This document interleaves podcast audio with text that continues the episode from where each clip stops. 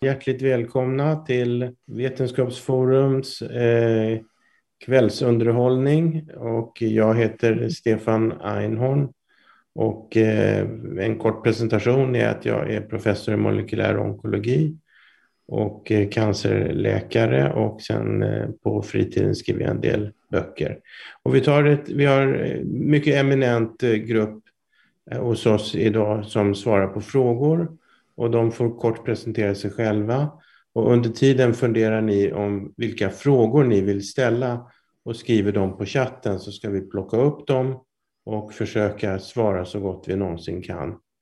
Eh, ska vi börja med eh, Jan? Vem är du? Hej, Jan Lötvall heter jag. Jag är professor i allergisjukdomar. På senare år har jag blivit nanobiolog och jobbar med någonting som heter exosomer eh, som är väldigt spännande små strukturer som skickar signaler mellan celler. Eh, en, en sak vi har gjort under det sista året är att utveckla en liten vaccinkandidat mot covid-19. Eh, den kommer inte komma i klinik, men i alla fall en liten kuriosa. Eh, som sagt har varit med, skrev min första debattartikel den 26 mars förra året i Expressen. Fyra krafttag för att stoppa corona innan maj 2020. Det var min målsättning då. Tack så jättemycket för presentationen. Tack för att ni kommer och tack för att ni är medlemmar. Gunnar Steineck. Jag är seniorprofessor i klinisk cancerepidemiologi och i Sahlgrenska akademin och studerar canceröverlevare och ser många likheter med eh, fältet kring långtidscovid. Ja, då tar vi vår senaste medlem i Vetkov, Gunnar Klein. Han är med oss ikväll som pryoelev, men han kanske får svara på några frågor. Ska du presentera dig själv, Gunnar? Jag har varit eh, immunolog på Karolinska institutet, är nu professor i informatik på Örebro universitet och, och, läkare i primärvården. Jag har jobbat mycket med WHOs digitala vaccinationscertifikat de senaste månaderna, så det är väl lite mitt specialområde. Tack. Och Anders Wahlne? Ja, jag är, ehm, är professor, eller professor emeritus, eh, vilket man eh, får det epitetet när man är pensionerad professor. Eh, emeritus betyder uttjänt och kommer av, jag tror det var Caesar som införde en gång i tiden, Uttjänta soldater blev emeritus. Ehm, men jag är ganska aktiv ändå, vågar jag påstå. Jag, min professur var i klinisk virologi och jag har också överläkare i klinisk virologi på Karolinska institutet och sjukhuset en gång i tiden. Då tar vi Lena Einhorn. Mm, jag eh, har en bakgrund som eh, virolog. Eh, Anders Wahlne var min opponent och det är väldigt många år sedan eh, nu. Så att jag eh, arbetar huvudsakligen som eh, författare författare och dramatiker. Och filmare har jag varit, inte så mycket nu längre, men ändå. Eh, och har kommit tillbaks till mitt, eh, mitt hem, höll jag på att säga, men i alla fall mitt gamla gebit i och med eh, coronakrisen och den upprördhet jag, som började spira i slutet på januari förra året. Ja, Tack så mycket och bakom rattarna har vi vår Fredrik som sköter den här eh, tekniken och gör det med briljans.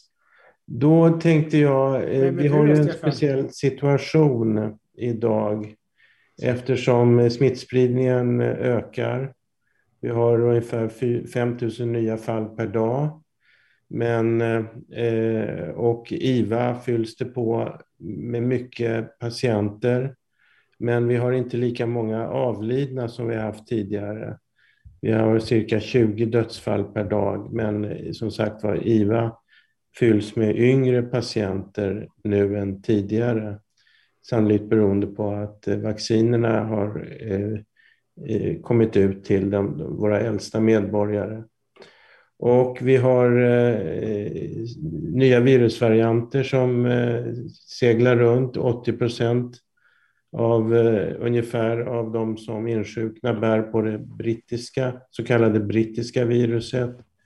Och eh, någonstans runt 3 procent eh, idag bär på det sydafrikanska eller det brasilianska viruset. Och eh, jag skulle vilja att vi inleder med att eh, svara på frågan vad kommer att hända nu? Är det någon som vill ta den frågan? Vad kommer att hända under de närmaste mm, två månaderna? Det är så här att, eh, precis som du sa, den engelska varianten, som också kallas B117, har ju tagit över. Och eh, i hela världen har den gjort det, men nu även i Sverige, bara på några veckor har den tagit över lite snabbare än vad jag faktiskt trodde. Och den är ju mer smittsam än, eh, och det är därför den, än, än den tidigare varianten och det är därför den tagit över.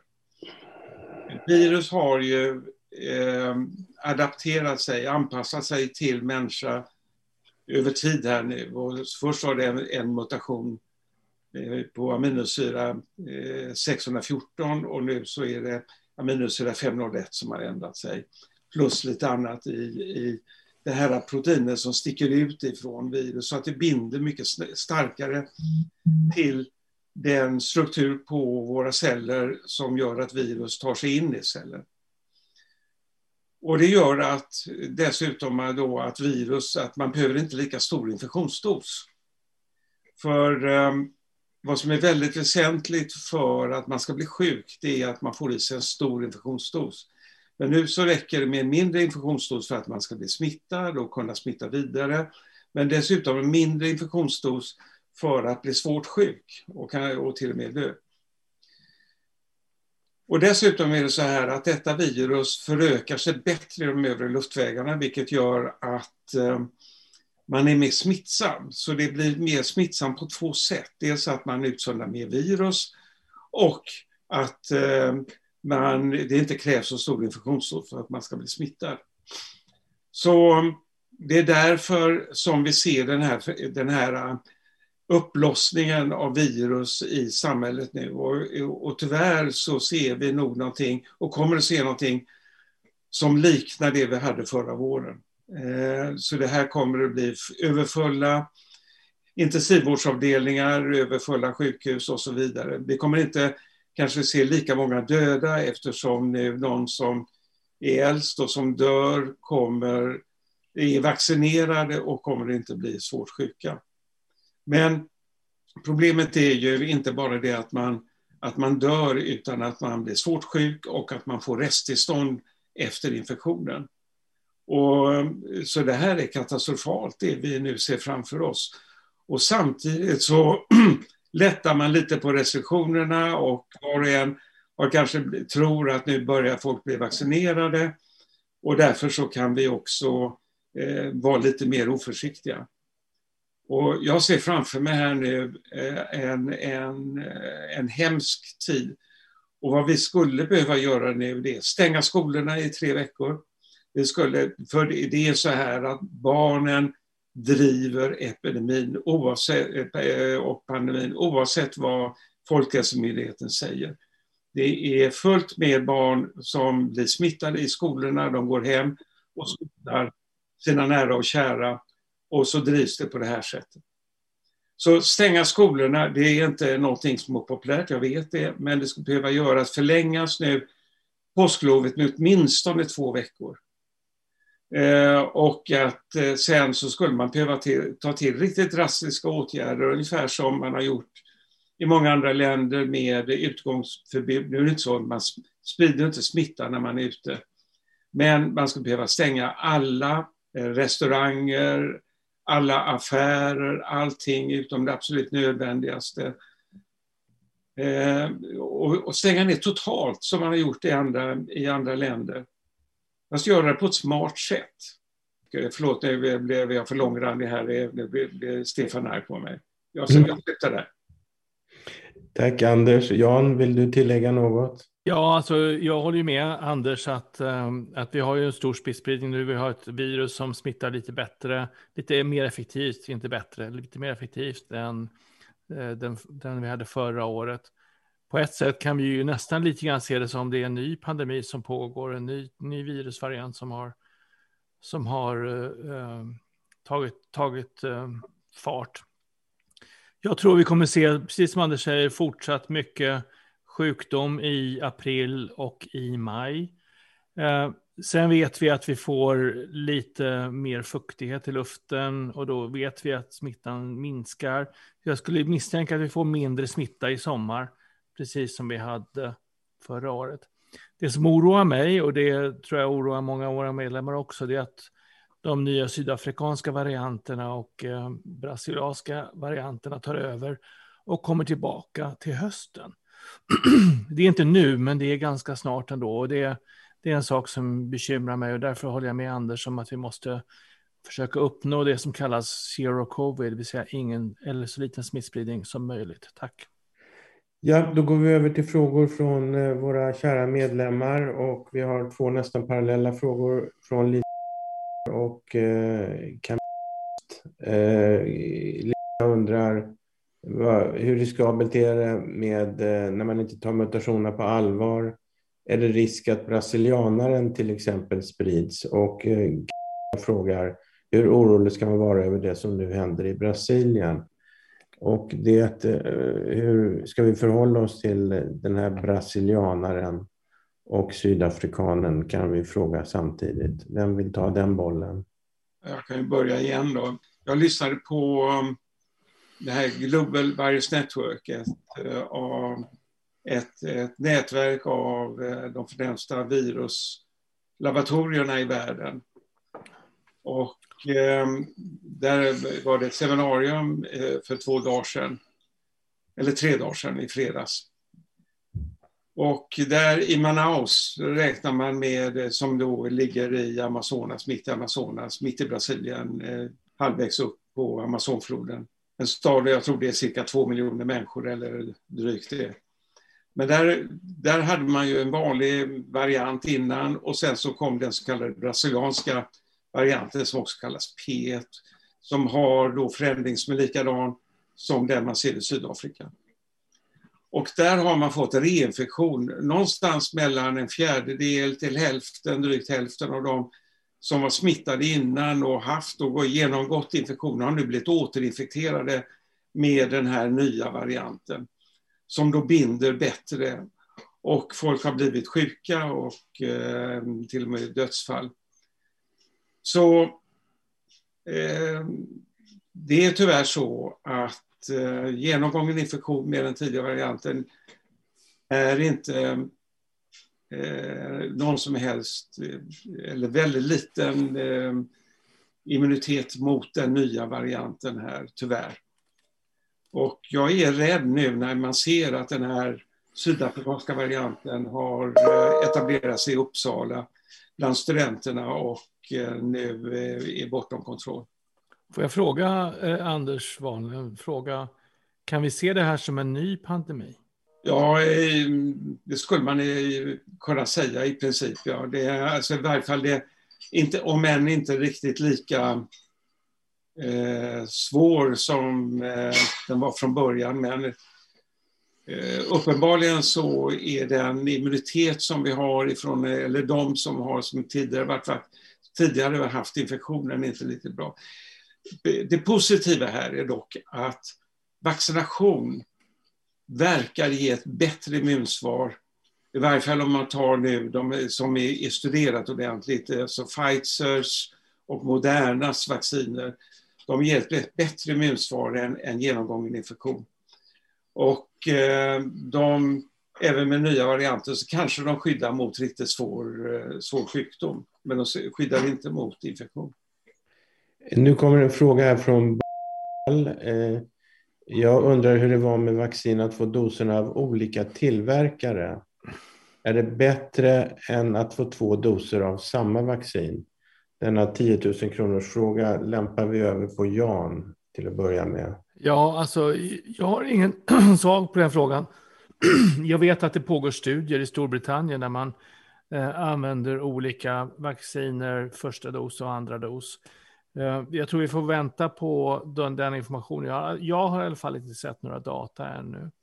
Men det kanske Anders har, för han räcker upp handen, så att då bollar vi över till Anders. Alltså gör man djurförsök, Eh, där man har hållit på med eh, så kallade genetiska vaccin, då DNA istället för messenger-RNA tidigare, så har man sett att man får ett bättre immunsvar om man först om man har ett genetiskt vaccin och sen kommer tillbaks med ett eh, klassiskt vaccin, alltså proteinvaccin, Då kallar man då för prime boost.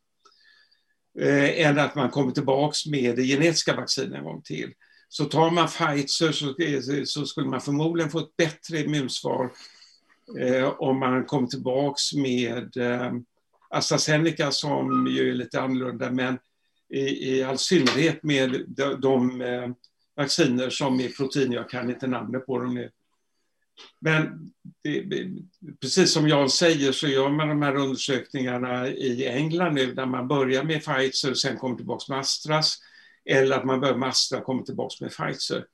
Så om, om någon månad så vet vi svaret på det. Men det, det är ingen nackdel att komma tillbaka med ett annat vaccin, det, ska, det våga. jag tror att vi alla kommer behöva vara redo att ta en annan typ av vaccin till hösten som då är riktad mot de nya varianterna. Den som kommer från Brasilien och den som kommer från Sydafrika. Ja, de behöver inte komma därifrån, de kan mycket väl ha uppstått i Sverige. För det är ju så sätt som viruset utvecklas.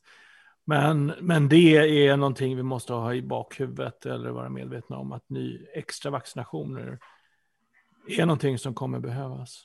Det finns ju ett konkret problem och det är ju att eh, man numera inte rekommenderar AstraZenecas vaccin till dem under 65 år.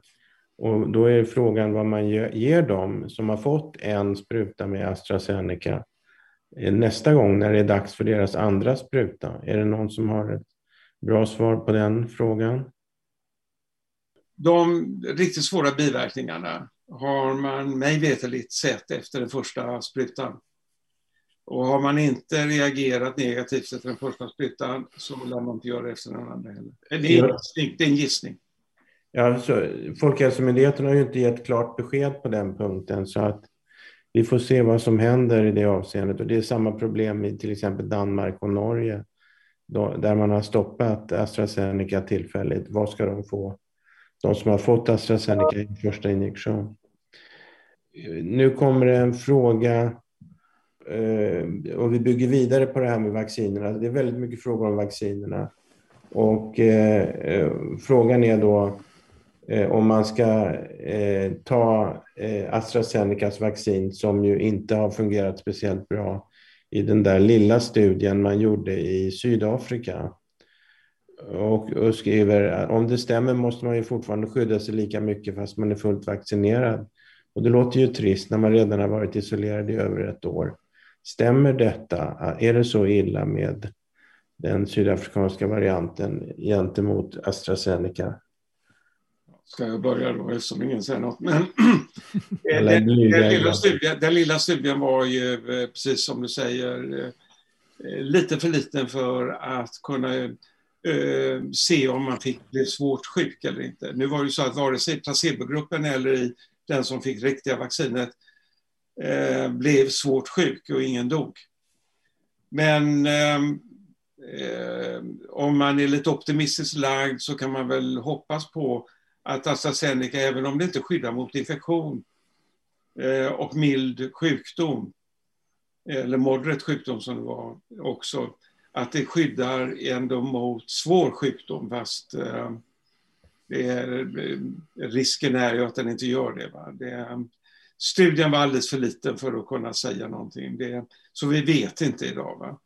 Och det är klart att vad, det gäller, vad det gäller den sydafrikanska eller brasilianska varianten så, eh, så hade jag ju hellre tagit Pfizer eller Moderna för vi vet att det ger ett bättre immunsvar.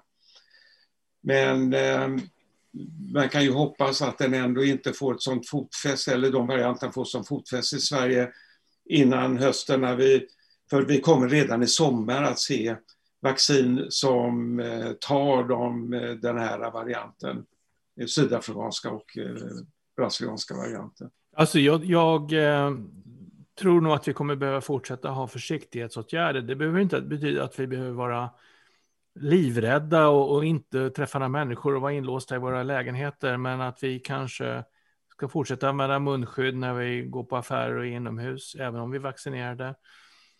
Och en annan sak som vi kanske kommer till, jag vet inte om vi gör det, men att vi innan vi träffar våra kära och nära, att vi försöker ordna så att man testas. Eh, det finns ju antigentester, snabbtester som, eh, som man kan, kan ta för att se om, om någon är infekterad. Vår, vår dotter kom igår och henne har vi snabbtestat. Och hon är negativ så länge. Vi ska testa igen. Eh, men, men försiktighetsåtgärder tror jag vi kommer behöva ha ett tag framöver. Vi vet ju inte nödvändigtvis att de sydafrikanska och, och brasilianska varianterna är de sista. Det händer ju mer på virusmutationsfronten.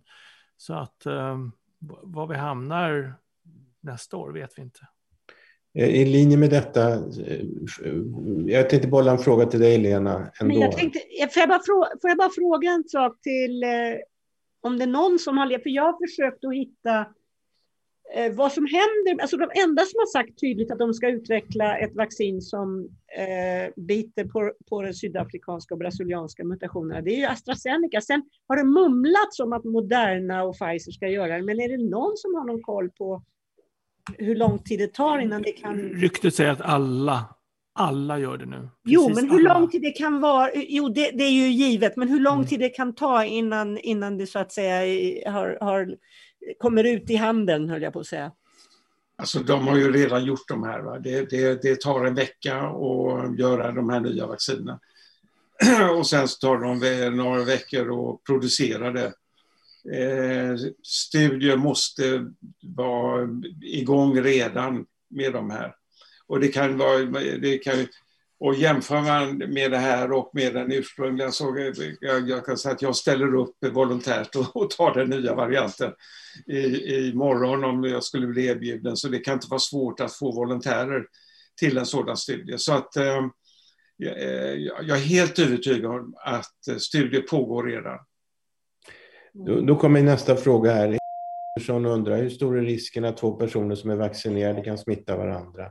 Och då, då är det frågan, så här, jag breddar frågan lite grann och, och säger så här, om man är vaccinerad med till exempel eh, Pfizer eh, eller AstraZeneca, hur försiktig tycker ni att man ska vara? Eh, Lena och Gunnar eh, Steiner kanske kan svara på den frågan.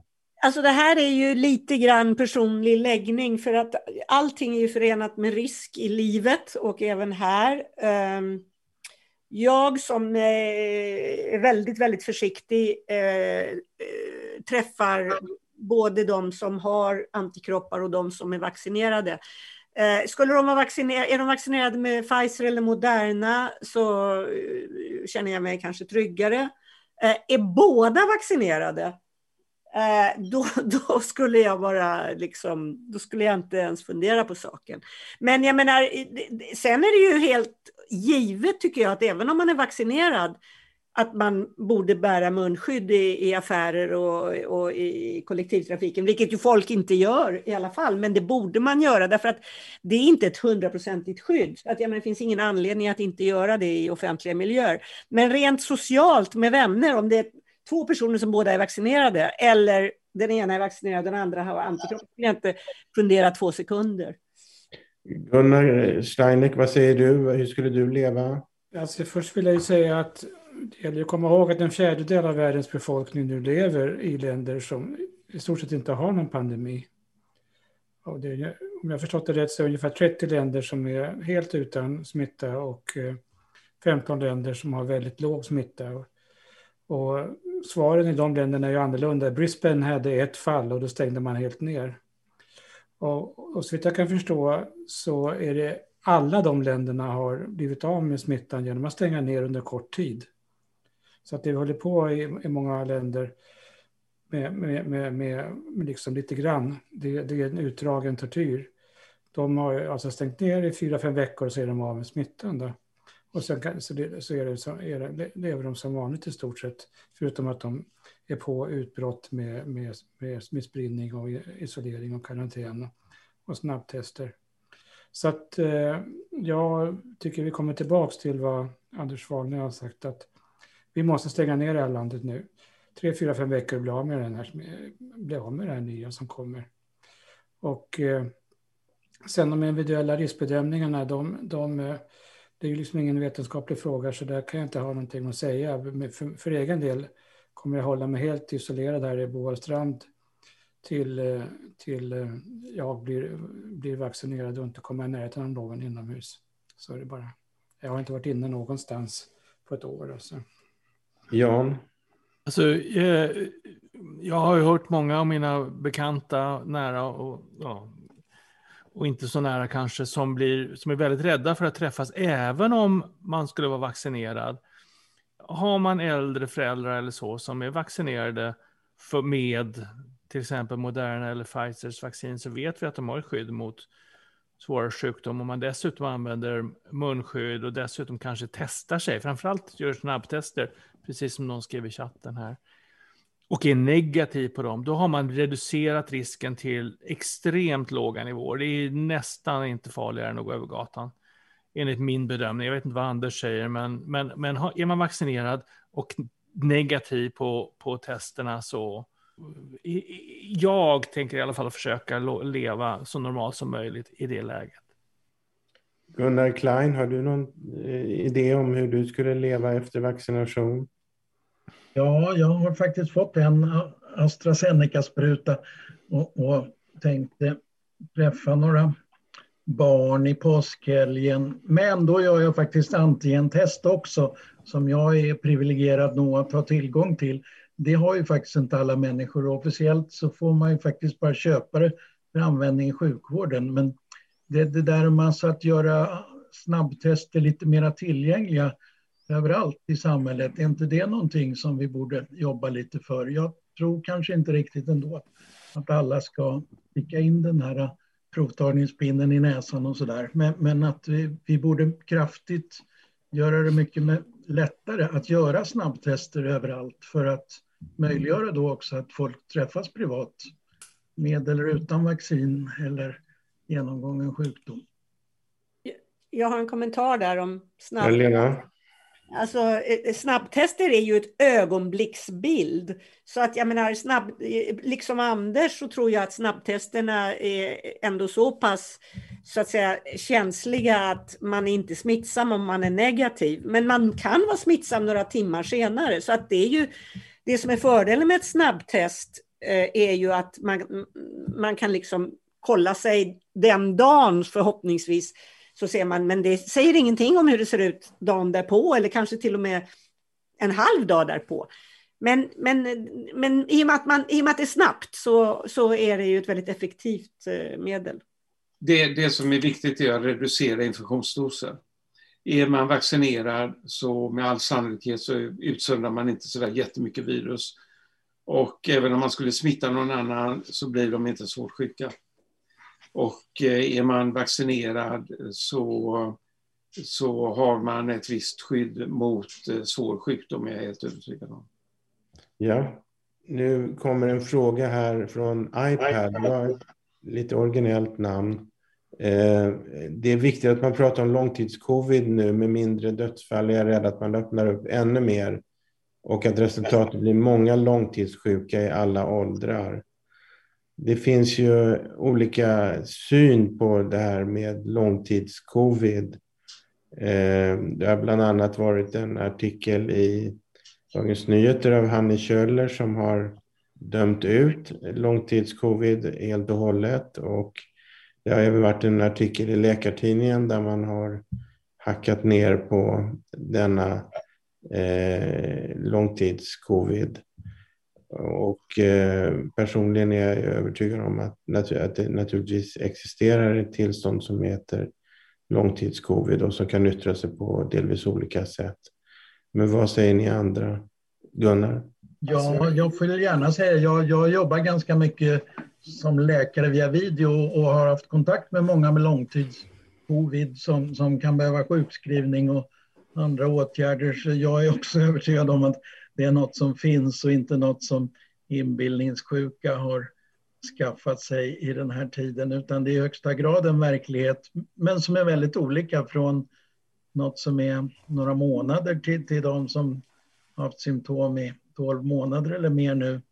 Eh, och, och, det är ett väldigt stort bekymmer, tycker jag. Och, och, vi vet ju inte egentligen något sätt att behandla det och, eller hur, hur, lång, hur länge det kan hålla på. Vi, vi tror att eh, de flesta har blivit bra efter något år, men men eh, det, det, vet vi faktiskt inte. Så att det där är ju en stor anledning att, att eh, försöka förstås bekämpa smittan med alla medel och, och, inte bara titta på mortaliteten som trots allt mest har varit de som är över 80 år. Medan långtidssjuka finns i alla åldrar, även barn. Gunnar Steineck, vill du tillägga något? Ja, alltså situationen är väldigt lik den som canceröverlevare hade på 80-talet och 90-talet. Alltså innan det fanns några studier så uppfattade man det som en slags psykologisk reaktion på att man haft cancer Det var eller sjukdom. Och såg det inte som sjukdomsprocesser, såg det inte som någonting kroppsligt. Och, och möttes med skepsis och okunnighet och det är ju fortfarande så att med, även canceröverlevare möts med skepsis och okunnighet. Vi kan göra mycket mer där.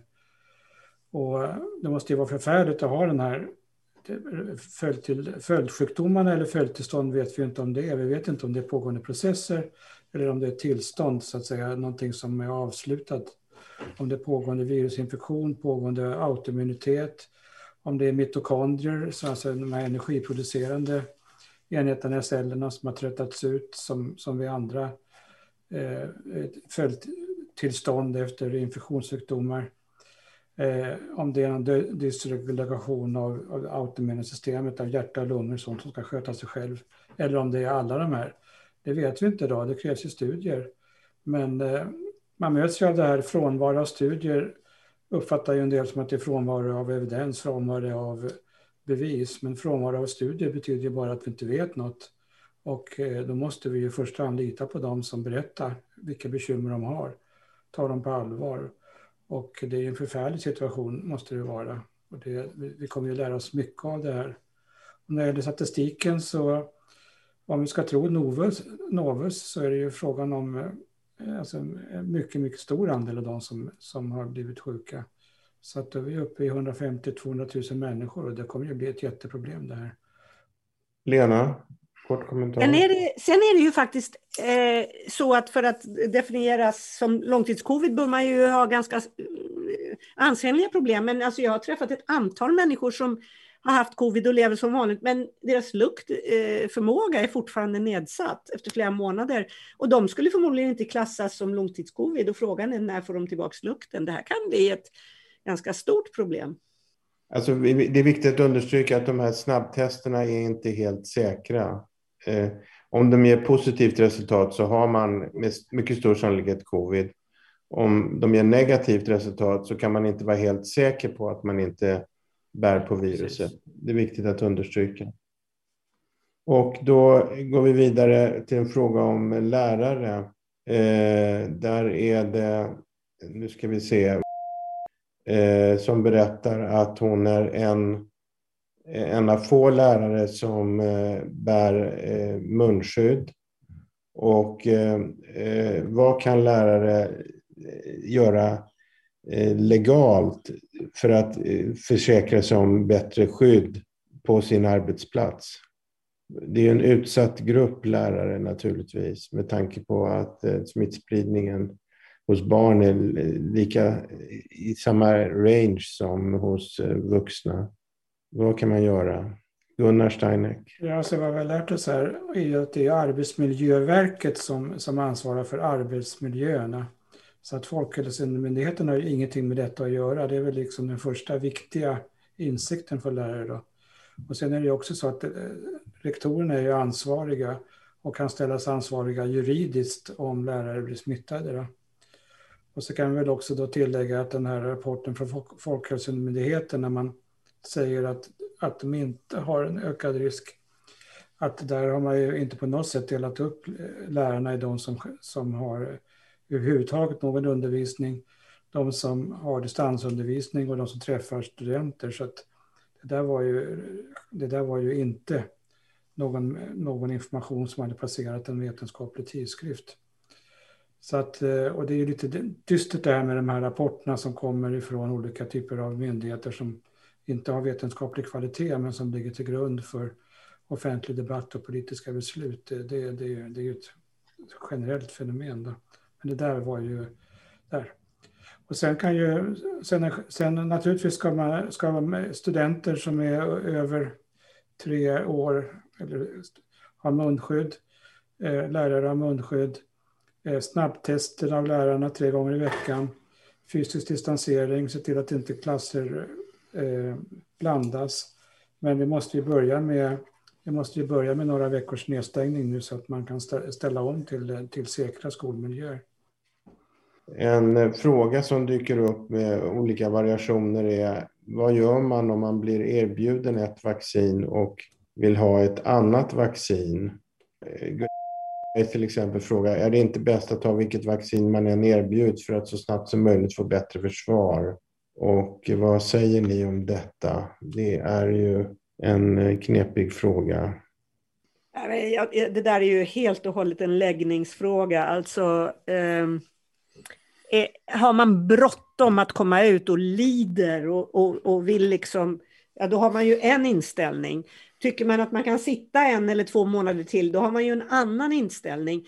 Och sen vet vi ju faktiskt inte i det här läget vad som händer om man säger jag vill inte ha det, jag vill ha det.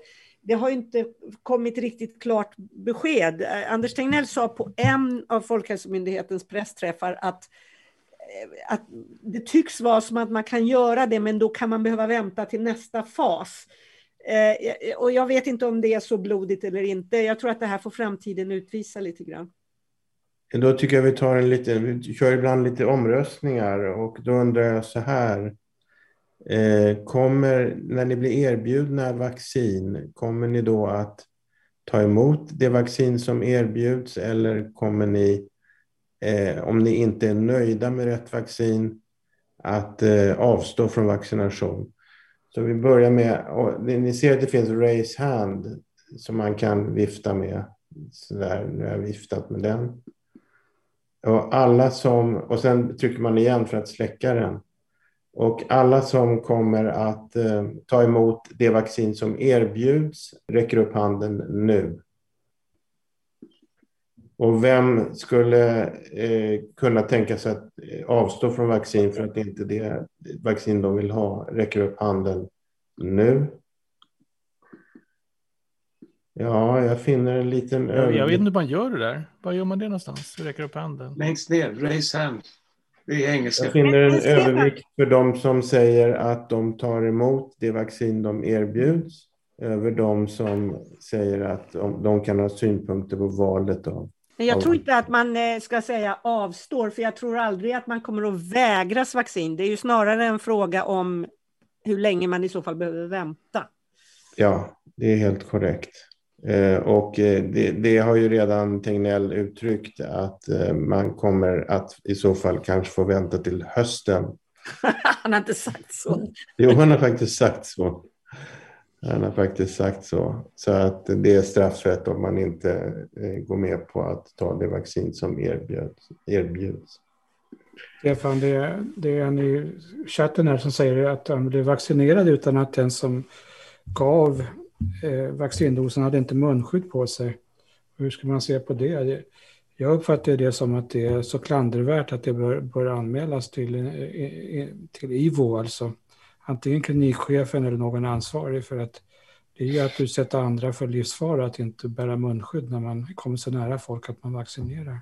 Ja, Lena? Vi har ju också skrivit en artikel som inte rönte så mycket uppmärksamhet trots att det var på DN Debatt där vi eh, liksom sa att man måste kräva att alla som vaccinerar sig bär munskydd därför att det kommer ju även om det liksom delas upp i små grupper så det blir ändå en rörelse av människor. Dessutom ska man ju sitta kvar en kvart efteråt och så vidare. Men det där vet jag inte i hur hög grad det har genomförts. Jag vet inte om någon eh, som har blivit vaccinerad hittills vet om man har anmodats att bära munskydd när man kommer till vaccinationen. Ja, jag, vet ju i, i kön på Sabbatsberg eh, så delar de ut munskydd och eh, på alla sjukhus i Stockholm tror jag att du måste ha munskydd på dig för att gå in. Eh, om det inte gäller hela Sverige till och med. Gunnar Klein. Jag blev vaccinerad i Örebro och där var det inga krav på munskydd och högst en tredjedel av de som vaccinerades hade munskydd. Däremot hade all personal det faktiskt. Så det ja, det är ju ett, naturligtvis ett problem. Eh, nu har det kommit en fråga här från eh, specifikt till, till, mig faktiskt. Eh, du nämnde för något möte sedan att det finns några, att det finns några lovande behandlingar på gång. Tolkade det som att du menade redan under en tidig sjukdomsfas. Vet du mer nu angående hur det utvecklas på den fronten? Du pratade om att du tror att covid-19 framöver blir något som vi kommer att behandla. Och eh, det tror jag fortfarande och det finns idag några antikroppsbehandlingar som i preliminära studier har haft en positiv effekt om man får behandlingen i ett tidigt skede.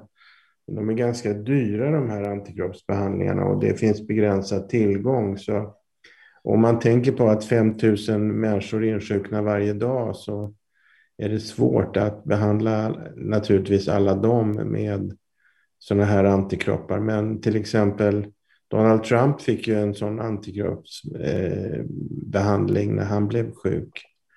Och eh, eh, ytterligare några politiker i USA. Eh, Anders, du vill säga någonting? Ja, jag skulle säga det att tyvärr så ehm, just med de antivirala behandlingarna som antikroppsbehandlingarna här är, eller remdesivir och så vidare, så är det tyvärr så att när man väl blir sjuk så har den största mängden av virusförökning redan skett, virusreplikation som vi kallar det. Så då har det en begränsad eh, effekt. Eh, och egentligen, eh, om det skulle vara rikt, om man verkligen skulle påverka epidemin med antivirala medel, då får man ge det i dricksvattnet, det är min bedömning. Lena?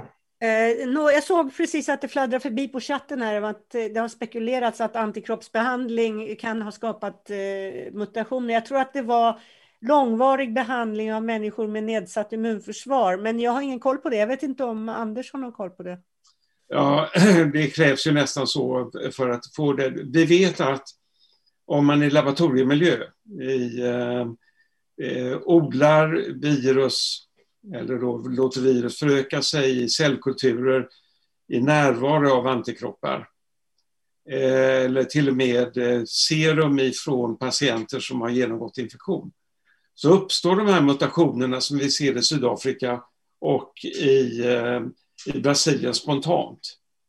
Så helt klart, har du en immunsupprimerad person som behandlas med, med eh, de här eh, monoklonala antikropparna, de här cocktailen och det, så kommer du se så kallade escape mutants eh, mot de här. Va? Och eh, de är ju riktade mot den här receptorbindande delen av, av spiken. Så alltså, vi kommer att se det här sydafrikanska varianten som råkar heta E484K.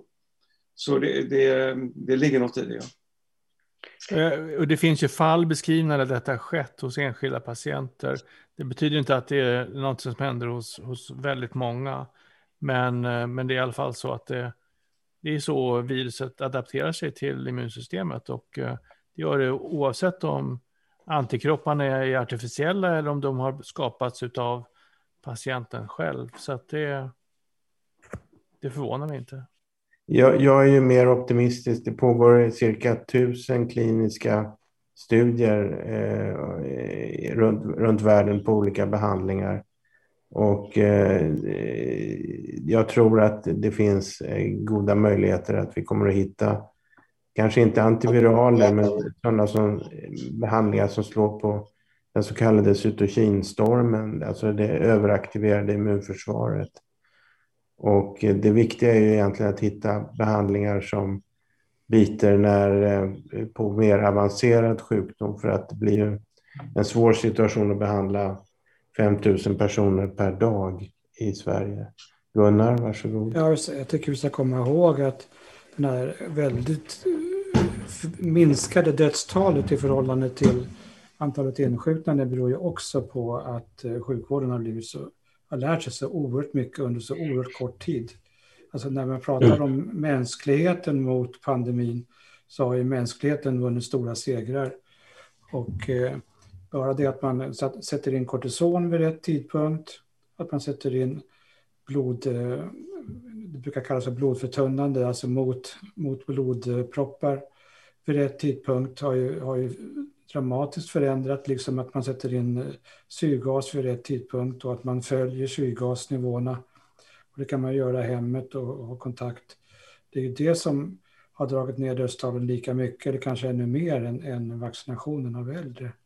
Så att eh, det, det, även om vi inte har specifika behandlingar så har ju sjukvården och landets intensivvårdsläkare lärt sig så oerhört mycket på oerhört kort tid genom att ringa runt och prata med varandra och skriva vårdprogram som kom redan i, eh, tidigt under våren. Och eh, jag tycker vi ska lyfta på hattar och mössor för detta.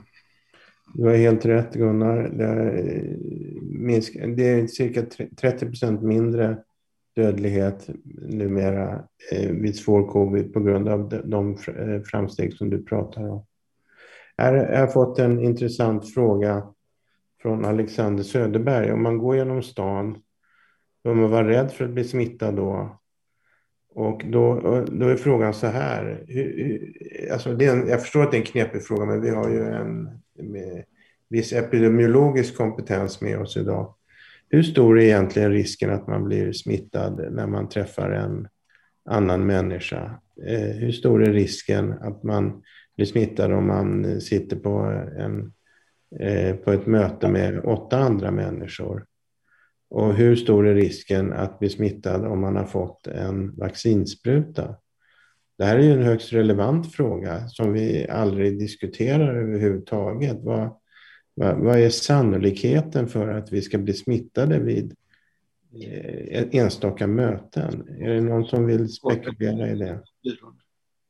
För det första så ackumulerar man ju risk. Risken är ju risken under en, en, ett dygn eh, på 0,001 procent är för det dygnet. Sen har du samma risk nästa dygn. Och så har du samma risk nästa, nästa dygn och nästa dygn.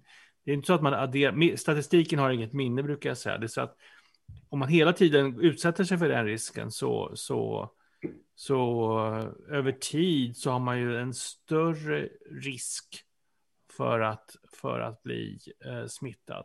Men det var många, många variabler i din fråga. Gå genom stan eh, så att man träffas utomhus.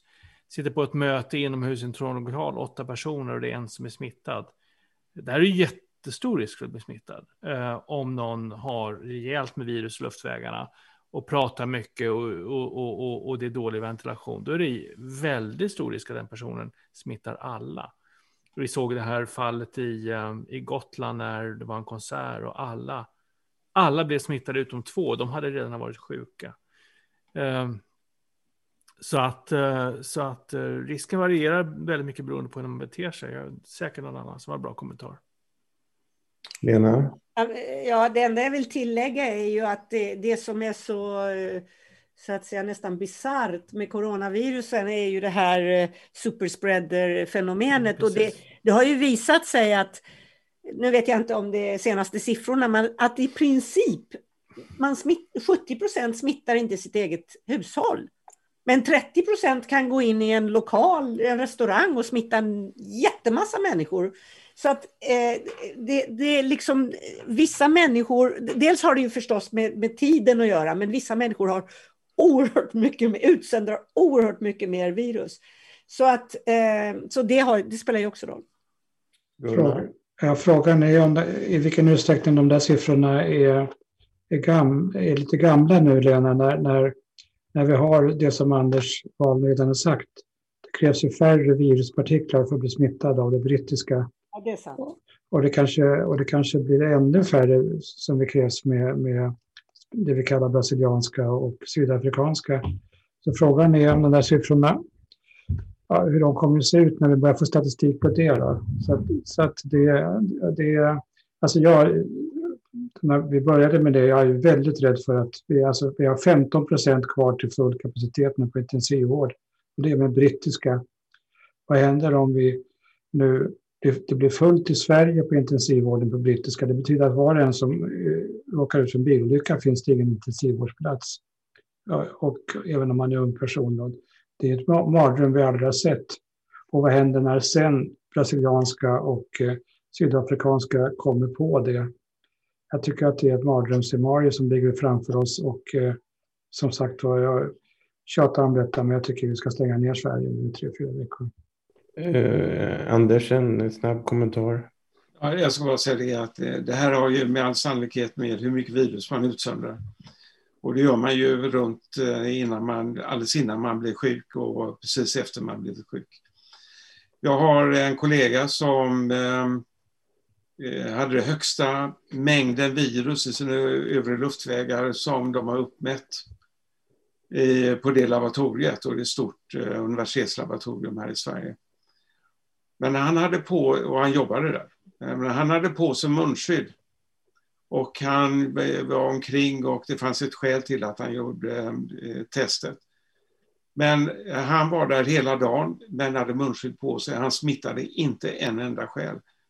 Förmodligen, eller med all sannolikhet på grund av att han hade, eller tack vare att han hade munskydd. Så då reducerar man mängden som kommer utifrån en och det är det som är det viktiga. Så munskydd reducerar smittosen både från den som är smittad och den som har munskydd på sig får en smitt, mindre smittos i sig. Jag vill åter eh, det, rekommendera munskydd.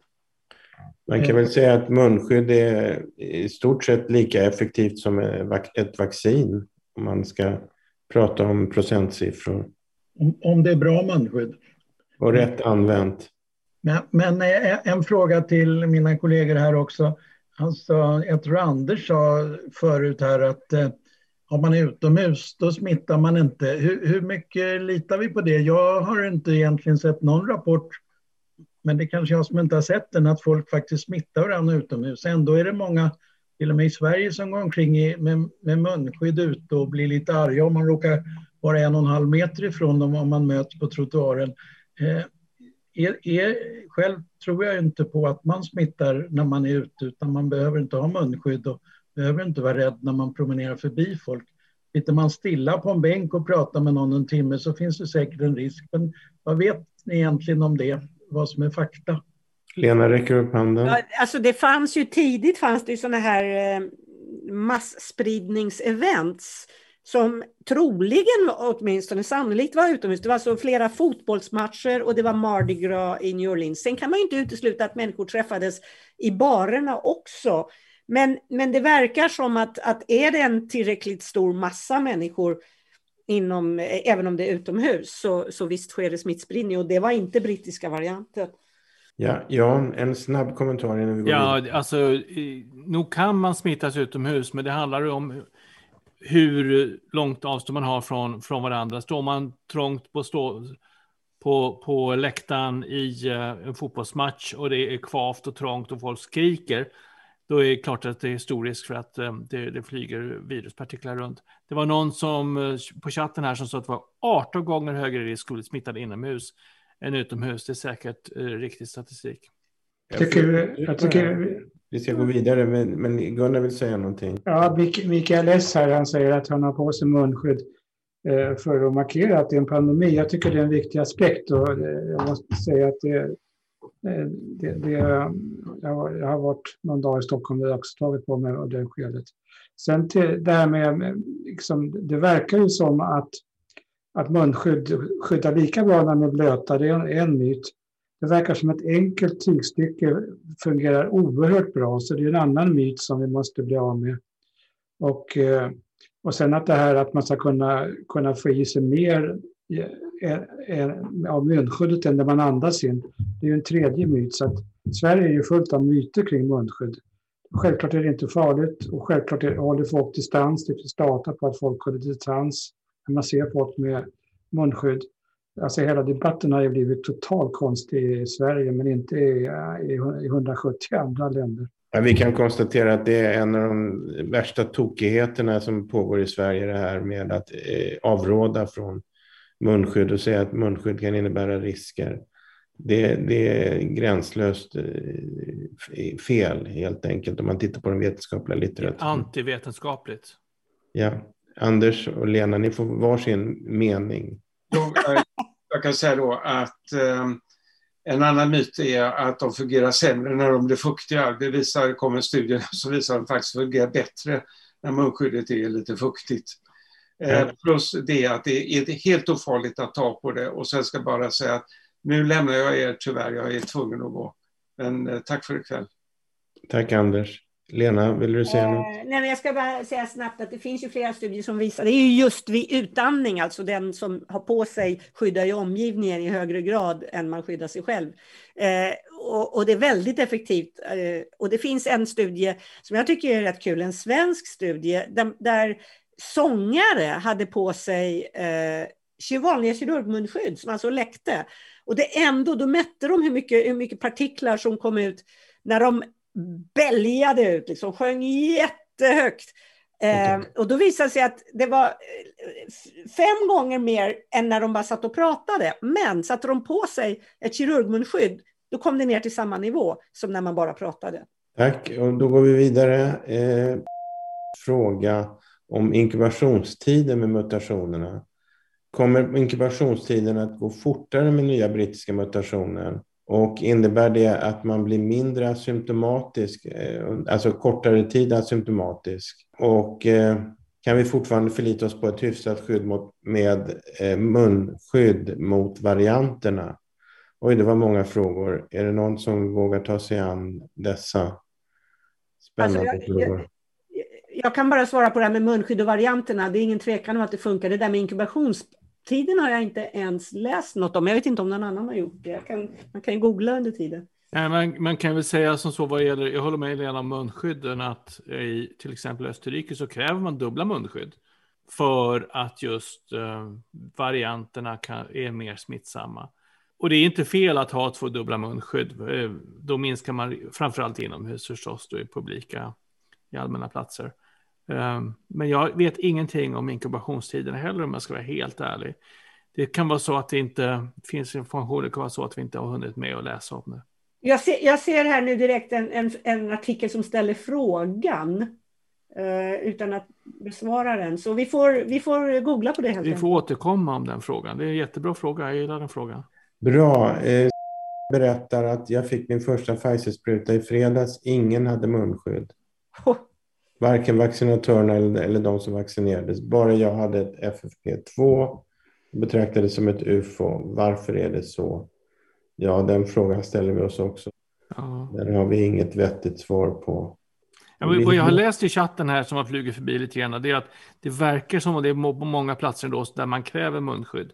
Både hos personalen och hos de som kommer in och vaccineras.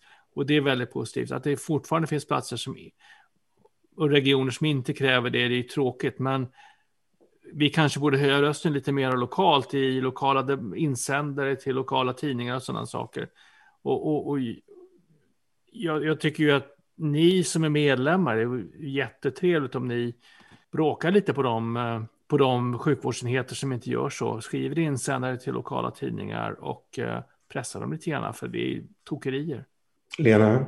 Jag, jag, skulle vilja, och det har jag sagt förut på något annat sånt här medlemsmöte, jag, jag skulle uppmuntra alla att bära munskydd i stadsmiljö, inte primärt för att skydda sig själv utomhus, utan för att göra en markering. Det är signalvärde i det här. Och när det är tillräckligt många som bär munskydd, då blir det comme få att bära munskydd.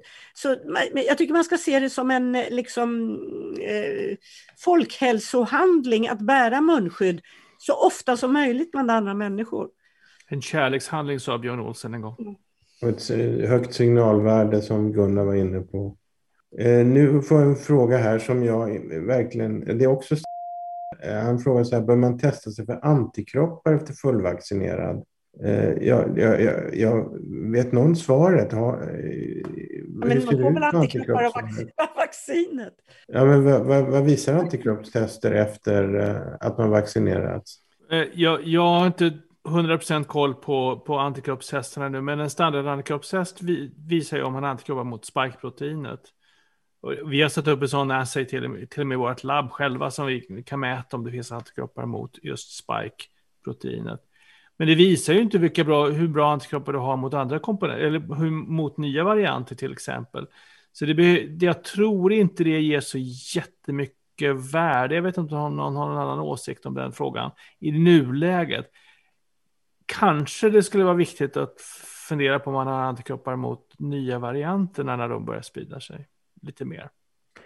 Eh, jag undrar, pandemilagstiftningen är på plats men har inte inneburit exempelvis obligatoriskt masktvång i kollektivtrafik och affärer. Idag fortfarande samma halvmesyr med en rekommendation. Hur ser ni på detta, denna eminenta fråga? Vad tycker Vetkov om detta med obligatorium? Jag tycker, du, jag tycker, du, ska svara på den frågan, Stefan.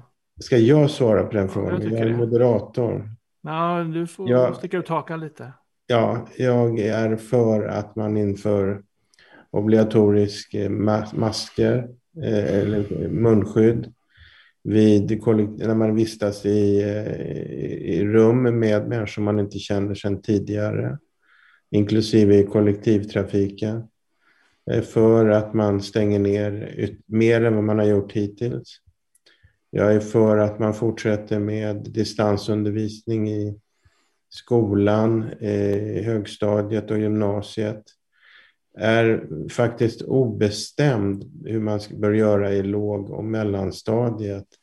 Men definitivt att man måste bedriva ett bättre smittskyddsarbete i skolan eh, för de barn som, som för de i åldrarna som går till skolan.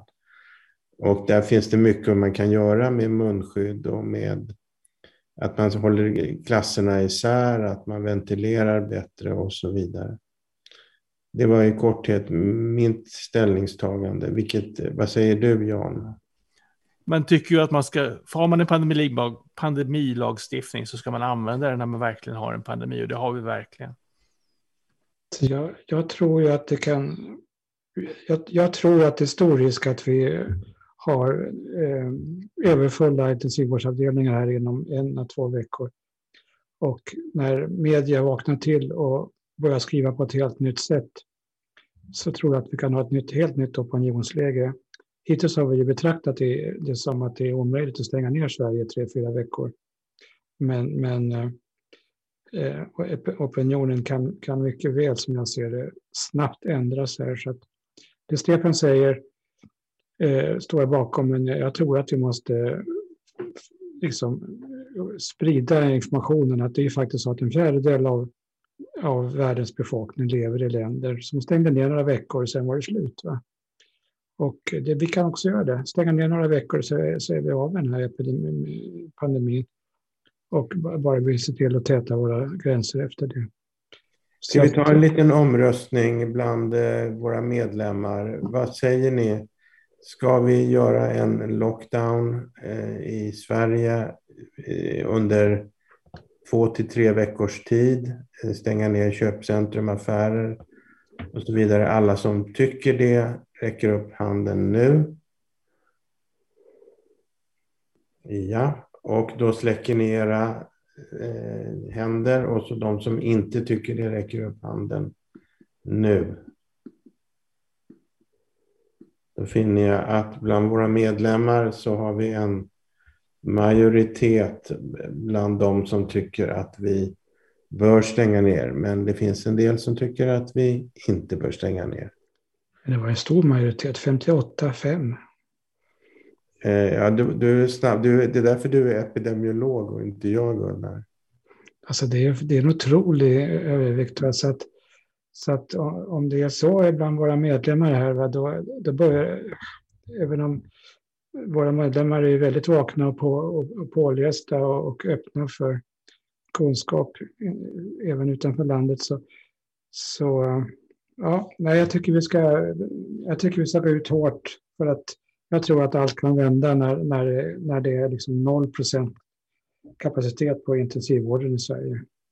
Eh, Okej, okay. jag eh, vill läsa upp en... Vi ska börja runda av strax. Eh, läsa upp eh, det eh, som skriver att fallskärm är aldrig testad med randomiserad placebostudie vid hopp från fallskärm. Det är sant.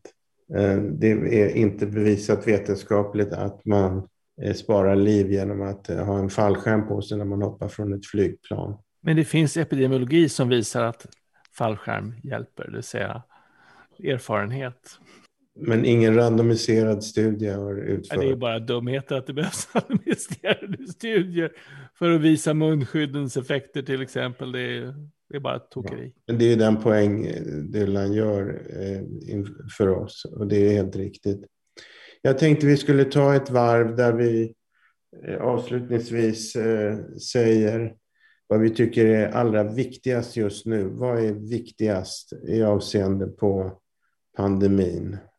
Ni får 58 sekunder på er att sammanfatta vad ni tycker är viktigast att eh, hålla i åtanke och göra i detta läge. Är det vi alltså i vår ja. Nej, ja. men det första är ju liksom munskydd, munskydd, munskydd. Det är billigt, enkelt, icke-ingrepp. Det är bara att köra. Det är, det är liksom det första. Sen eh, nedstängningar i högre grad, definitivt. Men jag tycker alla här inte bara ska sätta på sig munskydd själva så fort de går ut bland folk, även utomhus, utan de ska upp, verkligen uppmana vänner och bekanta och familj och, och också göra det, för det är ett otroligt starkt signalvärde åt båda håll. Och kommer man över en viss gräns så kommer folk att ha svårt att inte sätta på sig munskydd. Och jag säger något, Gunnar här. Gunnar. jag håller med Lena om munskyddens betydelse, men för att säga något annat så vill jag också trycka på vikten av att man vaccinerar sig. Eh, förstås alla i allmänheten, men särskilt de förstås som jobbar i vården eller i andra yrken som har nära kontakt med andra, till exempel lärare. För det finns ju faktiskt en hel del, trots allt, som är vaccinationsmotståndare. Jag tycker att man ska ställa krav på att de kan då inte få fortsätta arbeta om de inte vill vaccinera sig när de väl erbjuds det. Sen ett slag till för mera snabbtester. Mm. Återigen, jag tycker vi ska sprida det positiva budskapet. En fjärdedel av världens befolkning har blivit av med det här viruset i stort sett. Och det knäcks på tre sätt. En lockdown ger en fysisk distansering, munskydd och vaccin. Så att det, det, det är mycket enkelt. Och det behövs, eh, och, och, och det, jag menar, man behöver inte veta mer än så. Det behövs ingen någon myndighet för att säga det. Lockdown som är fysisk distansering för de som, de som absolut måste vara nätade av andra, munskydd, vaccin. Och sen, och sen lag och hårt under tre, fyra veckor, sen är det klart. Uh, ja, det är självklart är munskydd viktigt. Uh, vad som också är viktigt det tror jag det är masstestning, att vi testar. Jag tycker att alla arbetsplatser ska testa alla sina medarbetare flera gånger i veckan. Visst, man kan, eh, kan bli smittsam tre timmar efter att man testats. Men sannolikheten för det att det händer är fortfarande väldigt liten och det, eh, skyddseffekten är betydligt större än, än det skulle vara annars. Eh, det, det tredje jag vill, vill föreslå är att folk hänger på Expressen på fredag klockan 14, för då har jag lovat att chatta med Expressens läsare om hur man skyddar sig, kan skydda sig eller minska risken för att man smittas för covid. Så att hoppas ni kan hänga med några eh, av våra vänner här. Tack, och då ska väl jag säga någonting också och då säger jag så här att många av våra medlemmar kommer ju att få ett vaccin närmaste tiden och det visar i undersökningar att risken att bli smittad går upp radikalt efter att man fått den första sprutan. Det vill säga de första tio... Ner, ner radikalt? Nej, upp. Upp. upp. Låt mig slutföra. De första tio dagarna är, är väldigt kritiska för då känner människor att nu har jag fått en spruta, nu är jag safe. Man är inte safe. Antikropparna börjar dyka upp efter cirka två veckor. Så jag säger till er, var försiktiga eh, tills den här vaccineffekten kickar in och sen fortsätt att vara försiktiga, inte lika försiktiga som ni har varit tidigare, men använd ert goda omdöme för att, eh, eh för att skydda er själva och er omgivning. Då tackar vi så hemskt mycket för idag. Tack för att ni har varit, kommit och lyssnat. Tack för ert stöd till Vätgavs arbete. Och eh, tillsammans är det svårt att, eh, var för sig är det svårt att göra någonting, men tillsammans kan vi utföra både det ena och det andra och till och med kanske i stordåd i vissa lägen. Hej då, ha det så bra allihopa.